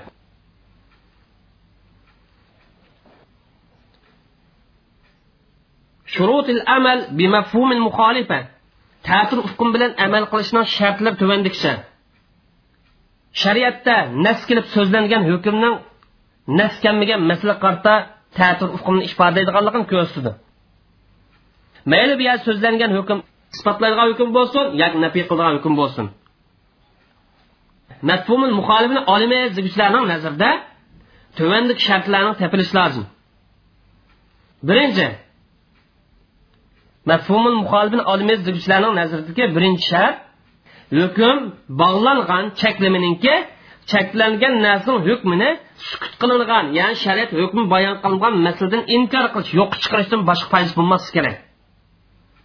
Agar bu cheklimning boshqa foydasi bo'lib qolsa masalan shariat qiziqtirish qo'rqitish bir masalani cho'ngaytirish yoki ahvolni ta'kidlash yoki minnatdorlik bildirish o'xshash boshqa foydasi bo'lib qolsa buni ta'tir hukmlari chiqib bo'lmaydi. Ta'tir hukmini olamiz deyotganmiz shu qayd kelgan shu chaklim kelgan shu ahvol bilan xos bo'lishi kerak. Ham bu cheklimininki bir xil foydasidan boshqa foydasi bo'lmasligi kerak.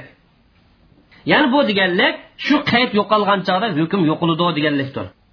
Nafi hukmil mantuqil maskutdan maqsad qayd yo'qolgancha hukm yo'qoladi deganlikdir agar bu qaydning cheklimininki undan boshqa foydasi bo'lib qolsa u vaqtida mafhumul muxolifini hujjat deyishga bo'lmaydi. Amal qilishga yaramaydi.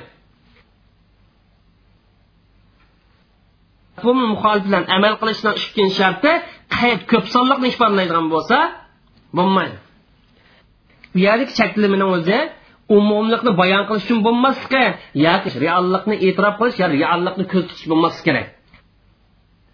Agar bu yerda cheklama ko'pincha ahvolni bayon qilish uchun bo'lib qolsa bo'lmaydi yoki reallikqa rioya qilish uchun bo'lib qolgan bo'lsa bo'lmaydi. Vaqt amal qilish durust emas. Masalan harom qilingan ayollarga o'xshash ko'pincha yuz beradigan ishlar bo'lib qolsa buni amal qilish bo'lmaydi. Qur'oni karimda bir yer bo'lgan ayollaringlarninki qizlar bilan nikoh qilsang bo'lmaydi degan. Endi bu hujurikum degan qayt bormiz qayt bor faqat saqlanish uchun kelgan qayt emas ehtiyot uchun kelgan qayt emas balki ko'pincha vaqt yuz beradigan bir qayt cheklama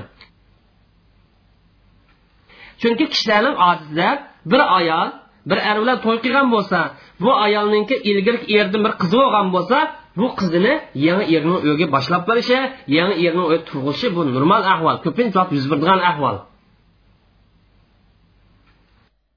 Demak ko'pincha vaqtni ifodalaydigan yo ko'pincha ishni ko'rsatadigan yo reallik rioya qilgan bo'lib qolsa mafhumul muxolif bilan amal qilish to'g'ri emas. Ya'ni bu deganlik o'gay qiz o'gay dadasi harom deganlik chiqadi. Ya'ni bir sharti o'gay dadasi mush o'gay qizni onasi birga bo'lganli bo'lib qolsa bu qiz uning harom. Mayli shu erninki ko'ngil bo'lishi ishida yashagan bo'lsin yo boshqa yer yashagan bo'lsin onasi bilan bir bo'lgan bo'lsa qizni alish harom degan hukmni ifodalaydi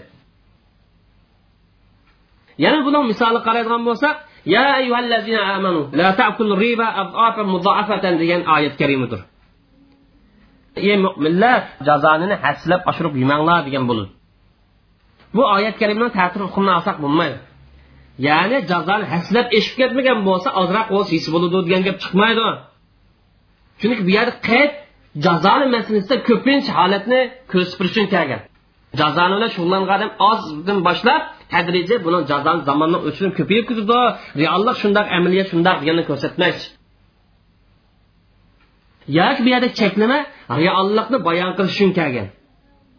Ya'ni kishilarning ahvoli ko'pincha vaqtida ozdan boshlanib ko'pincha chiqadi demak bu yerda cheklama saqlanadigan qayt emas ya'ni umumlikni ko'rsatadigan qayd shuning uchun mafhumul muxolif bilan bu oyatni aksicha amal qilish to'g'ri emas mafhumul muxolif bilan amal qilishning uchinchi sharti agar bu yer qayddan maqsad ko'plikni ifodalash yoki mubolag'lashtirish maqsad bo'lib qolsin mafhumul muxolif bilan amal qilish bo'lmaydi masalan alloh taoloni so'zi istag'firlahum aw la tastag'firlahum in tastag'firlahum sab'ina marratan falan yaghfirallohu lahum mayli ularga mag'firat tilagan yoki mag'firat tilamagan agar ular yetmish qatim mag'firat tilagan taqdirdami alloh taolo ularning gunohini kechirib o'tmaydi degan. Bu yer yetmish degan son saqlanish uchun kelgan ehtiyot uchun kelgan chaklima emas. Balki istig'borni har qancha ko'p aytsangmi deb mubolag'ani ko'rsatish uchun kelgan son ya'ni har qancha ko'p istig'bor aytyapsangmi uning foydasi yo'q demakchi unda bo'lgancha bu oyat mafhum muxolif bilan dalil ko'rsatilmaydi ya'ni sondan ochirib istig'for aytsa istig'for aytilgan odam manfaatlandi degan hukmni ko'rsatmaydi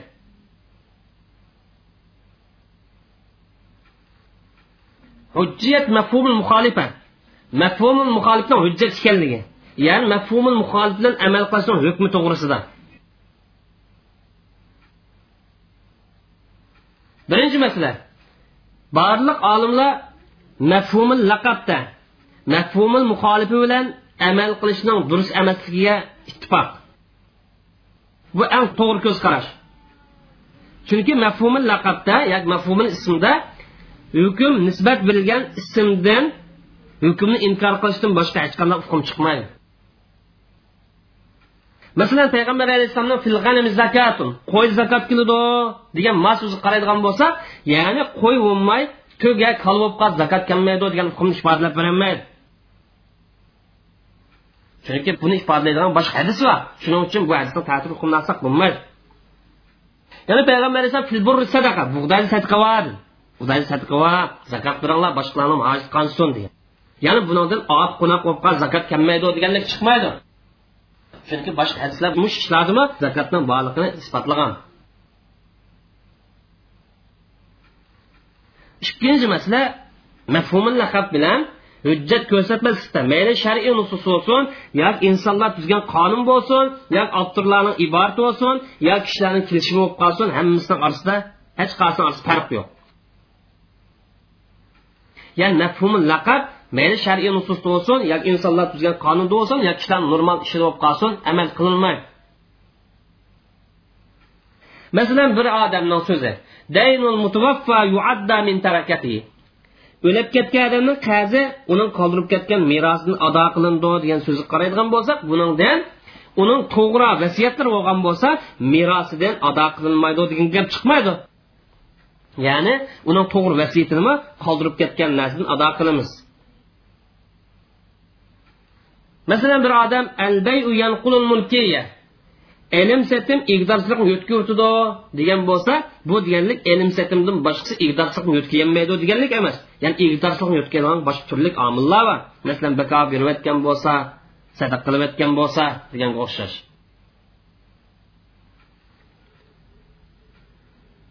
Uchinchi masala usulshunoslarning hammasi mafhumul vasf bilan mafhumul shart mafhumul g'oya mafhumul adad bilan fi g'ayri nususi shar'iyya. Shar'iy nusus bo'lmagan ishlarda hujjat ko'rsatsa bo'ladi degan ittifoq. Mayli jumhur bo'lsin mayli hanifiy mazhab bo'lib qolsin. Shar'iy nusus emas insonlarning kundalik turmushida hayotida faoliyatida mush ishlar bilan hujjat ko'rsatsa bo'ladi degan ittifoq kelgan.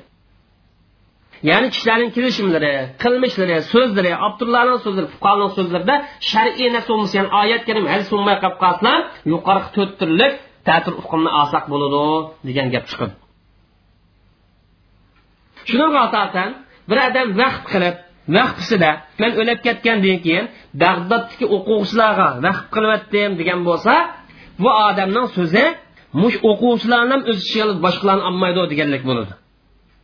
Agar vasiyat qilgan odam mol mulkimni uchdan birini kambag'al tuqqanlarimga vasiyat qilyaptim degan bo'lsa mana bu vasiyat kambag'allarga ham xos undan boshqa tuqqanlarimni o'zi chiqolmaydi degan bo'ladi. Mavdurus. Mafhumul muxolifini kishilarning so'zida olamiz shar'iy nusus olmaymiz deganning sababi nada desak kishilarning urf odati kishilarning tushanchaligi istilohi mushundoq tushunib kelgan ham mushundoq ifodalab kelgan. Kishilar mushundoq ko'nak kishilarga nisbatan bo'sh tushunishlik agar kishilarning ishlarida mafhumul muxolifat olmay qolib qolsa kishilarning so'lsatiqlar amaldan qolib qoladi irodasi amaldan qolib qoladi. Lekin kishilarning manfaatini buzib o'tish to'g'ri emas. To'rtinchi masala usulshunoslar. Shar'iy nususlarda mafhumul vasf sifat hukmi shart hukmi g'oyib hukmi son hukmi bilan amal qilish amal qilmaslik haqida ixtiloflashdi jumhurlar amal qilmaymiz dedi. Hanifiy mazhab amal qilmaymiz deb qardi shuning asosan shar'iy nas biror voqeaga hukm bo'lib kelgan bo'lsa bu shar'iy nas sifat bilan yoki shart bilan yoki g'oy bilan yo son bilan qaydlangan bo'lsa cheklanib qilgan bo'lsa jumurlarning nazarida bu mush qayddan xoli bo'lib kelsa shu hukmni ta'tirsini uqtirib turdi ta'tir hukmni ko'rsatadi. Hanfiy mazhabda qayd qilib kelgan narsni mush qayd bayon qilingan voqelikni o'zidan hujjat undan boshqa yo'tganmiz ikkinchi masalaga yotganmizsak desak bu hujjat bo'lolmaydi deb qaraydi hamda hanifiy mazhabda mush qayd bo'lmagan voqelikka qarta qanday muomala qilsizlar desa nas mafhumul muqol ta'tir hukm bilan bu yangi masalaning hukmini ko'rsatib berolmaydi yangi masalaning hukmi sukut qilingan masalaning qatoridan bo'ladi. Buni boshqa shar'iy dalillar isbotlaymiz degan. Agar yangidan chiqqan masalaga shar'iy dalil topolmay qolib qolsak sab dalilini tutamiz degan sab degan asli muboh hukmi bir narsaniki asl mubohlikni davomlashtirib mana shu hukmini olamiz degan sab degan ya'ni asli bir narsa muboh asl mubohga asosan amal qilib ketavermaymiz deb qaragan hanifiy mazhab shar'iy nususlarda mafhumul vas shart g'oya adatning hukmini olmaymiz deganga tuvandikidek bir necha dalillarni keltirgan. Hanifiy mazhabning birinchi dalili. Shar'iy nususlar kelgan qaytninki nurg'un foydalari bor. Agar bu foydalar biz ko'rinmasimi lekin mush qaydlarning mush cheklimlarning foydasi hukmni xoslashtirish qayt kelgan narsa qarta hukmni xoslashtirish uningdan boshqasini inkor qilish deb jazmlashtirolmaymiz. Agar mush foydalar bizga namoyon bo'lmasmi mushu qaydlarninki foydasi hukmni xoslashtirishdan iborat. Qayd kelgan masaladan xoslashtirish undan boshqa foyda berolmaydi deb jazmlashtirolmaymiz. Buni sababi kelsak shariatning maqsadlari yomon ko'p. Shariatning maqsadlari umumyuzlik o'zlashtirish mumkin emas. Lekin insonning maqsadlari bo'lib qolsa uni doiraga olamiz bilimiz desak bilgin bo'ladi. Shuning uchun tartib hukm insonlarning so'zi bo'lib qolsa hujjat hisoblanadi shar'iy nususlar hujjat hisoblanmaydi ikkinchi dalil arab tilida so'zlangan hukmning ta'sir hukmining so'zlanmagan hukm qarta davomlashib kelganligi umum qoida emas masalan buning dalili agar bir odam falon atigan dikas hurmatla degan bo'lsa bundan kech kelib qolsa hurmatlama deganlik chiqmaydi agar unda deb qolsa savol tug'iladi bu yerda kech kelib qolsa hurmatlamam deman degan savol tug'iladi demak so'zlangan narsaniki dalolati so'zlanmagan narsa qarta keskin bo'lmaganligi uchun ya'ni zanniy bo'lganligi uchun shar'iy nususlarni mushundoq dalolat ehtimol tufaylidan ya'ni zanniy ehtimollik tufaylidan shar'iy nususlarni hujjat deb qarash bo'lmaydi. Chunki shar'iy nususlarni hujjat keltirish ehtiyot qilish lozim ehtiyot deganimiz mafhumi muxolifni ommaslikni taqozo qiladi. Uchinchi dalil qaytlik kelgan cheklimlik kelgan voqealarda hukmni ko'rsatib kelgan ko'plagan shariatning nususlari mush qayd yo'q bo'lsinmi ya'ni qayd yo'q bo'lgan masalalarmi dal shu hukmni isbotlagan. Masalan qo'rqinch bo'lib qolgancha namozni qasr qilish durust. Qasr qilish qo'rqinch bo'lmasin ya'ni qasr qilish durust. Ya'ni safar qilib qolgancha qasr qilish durust. Demak qayd bo'lmasin isbotlan. Ya'ni bu deganlik mafhum muxolifni ommaslikqa dalil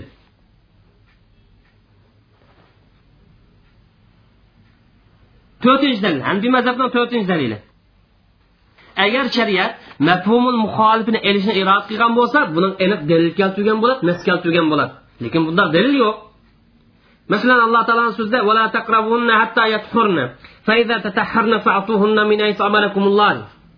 Deganga o'xshash bu yer aniq buni taturni oson bo'ladi degan gap yo'q.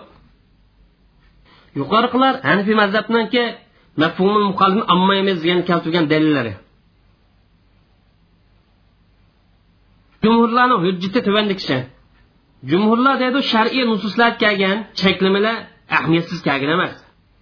Balki foydani ko'zlab maqsadni ko'zlab kelgan. Agar buni shu qayd cheklim topilgan masalada hukmni xoslashtirishdan boshqa foyda bo'lmasimi hukmni qayd topilmaydigan masalalar inkor qilish vojib. Jumhurlar deydi shar'iy nususlar kelgan cheklamalar ahamiyatsiz kelgan emas balki foydani ko'zlab kelgan. Agar bu qaydlarning hukmni shu qayd topilgan cheklim topilgan masalaga ham xoslashtiramiz degandan boshqa foyz bo'lmagan taqdirda u vaqtda hukmni qayd topilmagan masalada inkor qilish lozim.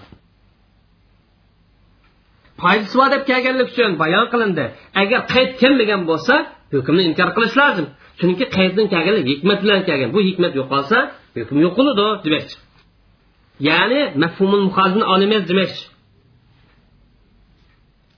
إنه يجب نفي الحكم أما لا يوجد فيه القيد degan gapdan maqsad mafhum muxolifni olamiz demakchi chunki qaydni bayon qilinganligi ahamiyatsiz bo'lib qolmaslik uchun agar ta'tir hukmini olmasa qaydni bayon qilinganlik ahamiyatsiz bir narsaga aylanib qoldi. Lekin shariatning so'zini ahamiyatsiz bo'lib qolishi aql sig'maydi. Qayd bor hikmatni ifodalaydi ya'ni u bo'lgan bo'lsa hukmni xos qilib ifodalaydi qayd bo'lmagan chog'da ta'tir hukmini olamiz bo'lmasa qaydni nima foydasi deydi jumurlarni ikkinchi dalili. Arab tilininki uslubida hukmni bir chaklimga ushqatgan bo'lsa chaklim yo'qolgancha hukmning yo'qolganligi dalil bo'lgan ishlar topiladi. Ko'riladi bu insonlar uchun darhol qilgan hukm masalan keyin payg'ambar alayhissalomning matlul g'ani zulmun. Boy odamninki boshqalarning qarzini so'zganligi zulmdir degan so'zni anglagan odam bundan kambag'al odam so'zlab qolsa zulm bo'lmaydigan degan hukmni ola oladi arab tilida bu usul bor mana bu jumhurlarning hujjati ham jumhurlarning hujjat kuchliqmi hanifiy mazhabdan hujjat kuchliqmi degan masala kelgan chog'da jumhurlarning so'zi bir oz moyil bo'lishini taqozo qiladi ya'ni jumhurlarning dalili bir oz kuchli. Chunki shariatning maqsadlari ko'p bo'lsimi hammani to'liq o'zlashtirib qololmaymiz. Lekin mushtahidqa qayd topilgan masalada hukmning xosligini ifodalab berishdan boshqa foydasi ko'rinib qolib qolsa bilalaydi bo'lmasa shariatning maqsadlarini bilolmaydi mushtahid qaydning kelganlik foyda uchun deb qaraydi. Demak mush qayd topilmasa foyda topilmadi shuning uchun hukm yo'qiladi deb qaraydi. Mafhumun muxolifiniki dalolat bilan amal qilishsa zannil kuch ehtimolli bo'lsa kifoya. Chunki mush hukmning dalolati zanni qat'iy emas. Ham hammaning nazr mafhumul muqaddim dalol zanni zanni bilan amal qilsak durust. Jumhurlarning ko'z qarashi kuchli deganimiz chunki jumhurlar mafhumul muxolif bilan amal qilishda bir nechta turli shartni qo'ydi. Mush shartning topilganligi hanifiy mazhab keltirgan shakllantirish ehtimollik talablarini ozlashtirdi ya'ni jumhurlar qo'ygan mafhumul muxolif bilan amal qilish qo'ygan shartlar hanifiy mazhabning dalillarini oziz o'rin tushirib qo'ydi.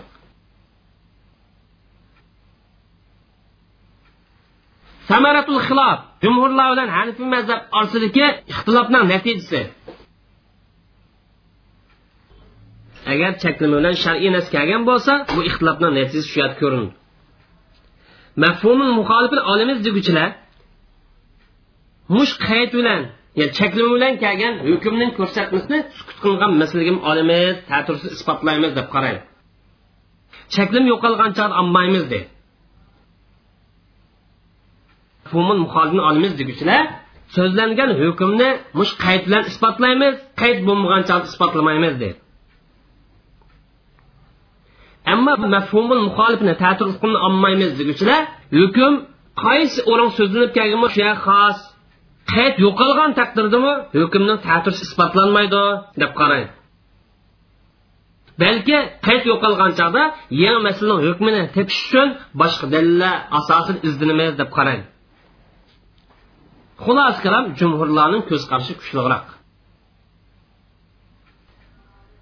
al-axdu bi mafhumil muxolifa fi tafsir al-qawanin al-wad'iyya. Insonlar tuzgan qonunda tartib hukmini olish bormi yo'qmi? Buni qanday qaraydi? Buni bir qarab chiqaylik. Laqab hukmdan boshqa mafhumul muxolifa dalillarni tunish va naslarni tafsir qilishning sog'lom yo'li. Shuning uchun mafhumul muqaddi elish zarur mafhumul muvofiqa.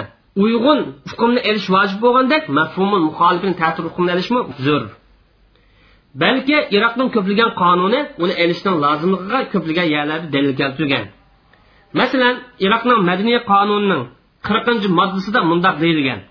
Qonunning tekstlari mush tekstlar so'zida bo'lsin yo hukmida bo'lsin o'z ichiga olgan masalalarning hammasi o'rtaq oqidi degan. Iroqning shaxsiy ahvollar qonunining birinchi moddasi bir yuz sakson sakkizinchi nomerli moddasida mundoq deyilgan. Bu qonunning tekstlari mush qonunniki labzi so'zi o'z ishiga olgan yoki mazmuni o'z ishiga olgan masalalarni hammasiga oqidi hammasi mangidi degan. Bu yer taqvo degan gapdan maqsad ma'nisi degan gap ya'ni mafhum hukmi degan gap. Mayli bu yer hukmdan mafhum muvofiq bo'lsin muxolif bo'lsin o'xshash umum kelgan. Mayli buni mafhumul muxolifiga qisqarsak bo'laverdi lekin mafhumul muxolif qisqartmay muvofiq bilan muxolif ikkisi tang kelgan desak bu kuchliroq. Mafhumul muxolifiga misollar tuvandikicha birinchi misol. Iroqning shaxsiy ahvollar qonuni bir yuz sakson sakkizinchi nomerli moddasida mundoq belgilagan. A kishi nikoh kelishimida nikoh o'qiydigan chog shart qilingan narsa vafo qilmay qolib qolsa ayol kishi turmushni buzish haqqiga ega turmushni buzishni talab qilish haqqiga ega degan. Buni ta'tir hukmini olsak agar er kishi nikoh kelishim tuzilayotgan vaqtida qilingan shartlar to'liq vafo qilgan bo'lsa ayol kishiniki oilani buzish uyni buzish haqqi yo'q degan gap chiqadi mana buni mafhumi shart shart hukmi deymiz. Chunki izo bilan shart bo'lgan. Ikkinchi iroqning shaxsiy ahvollar qonun sakkizinchi moddasida mundoq deyilgan. To'y qilish salohiyati o'n sakkiz yosh to'shgan vaqtida to'liq bo'ladi degan.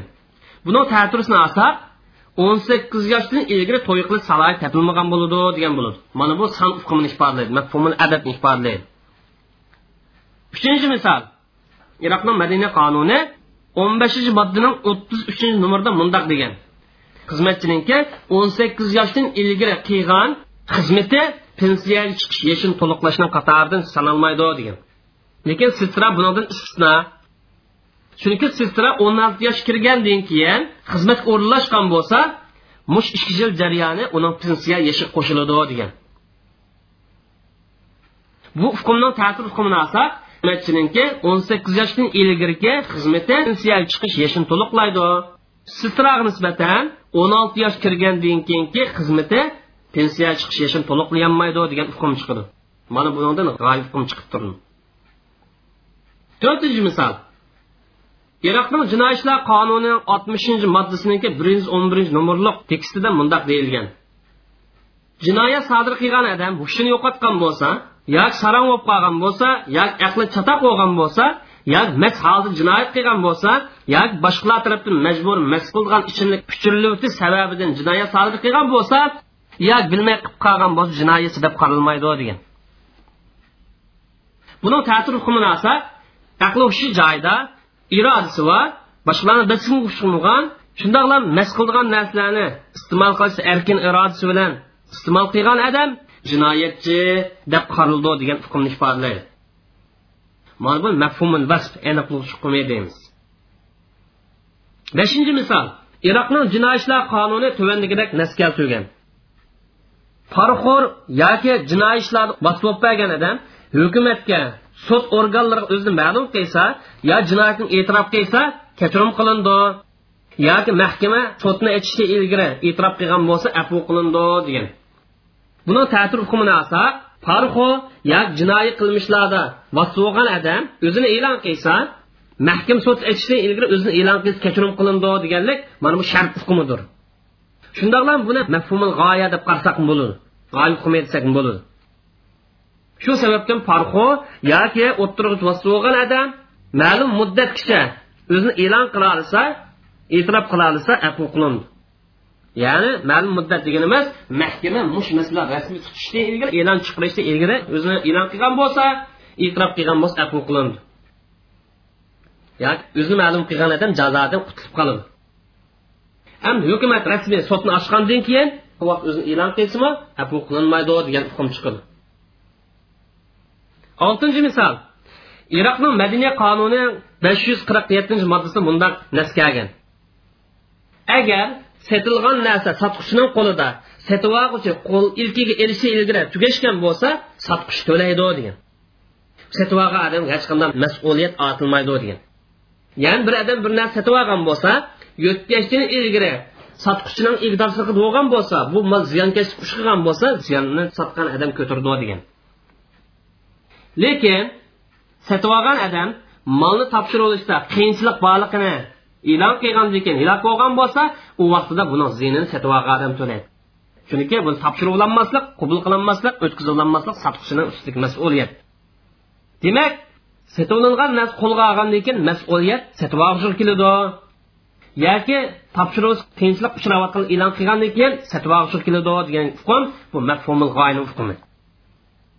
mana bu insonlar tuzgan qonundan olti turlik misol kifoya qolgan yettinchi sakkizinchi to'qqizinchi hatto o'n ikkinchi misolgacha olmasaqmi shu olti turlik misolni tushunsak kifoya وآخر دعوانا الحمد لله رب العالمين وصلى الله تعالى على خير خلق أجمعين ربنا آتنا في الدنيا حسنة وفي الآخرة حسنة وقنا عذاب النار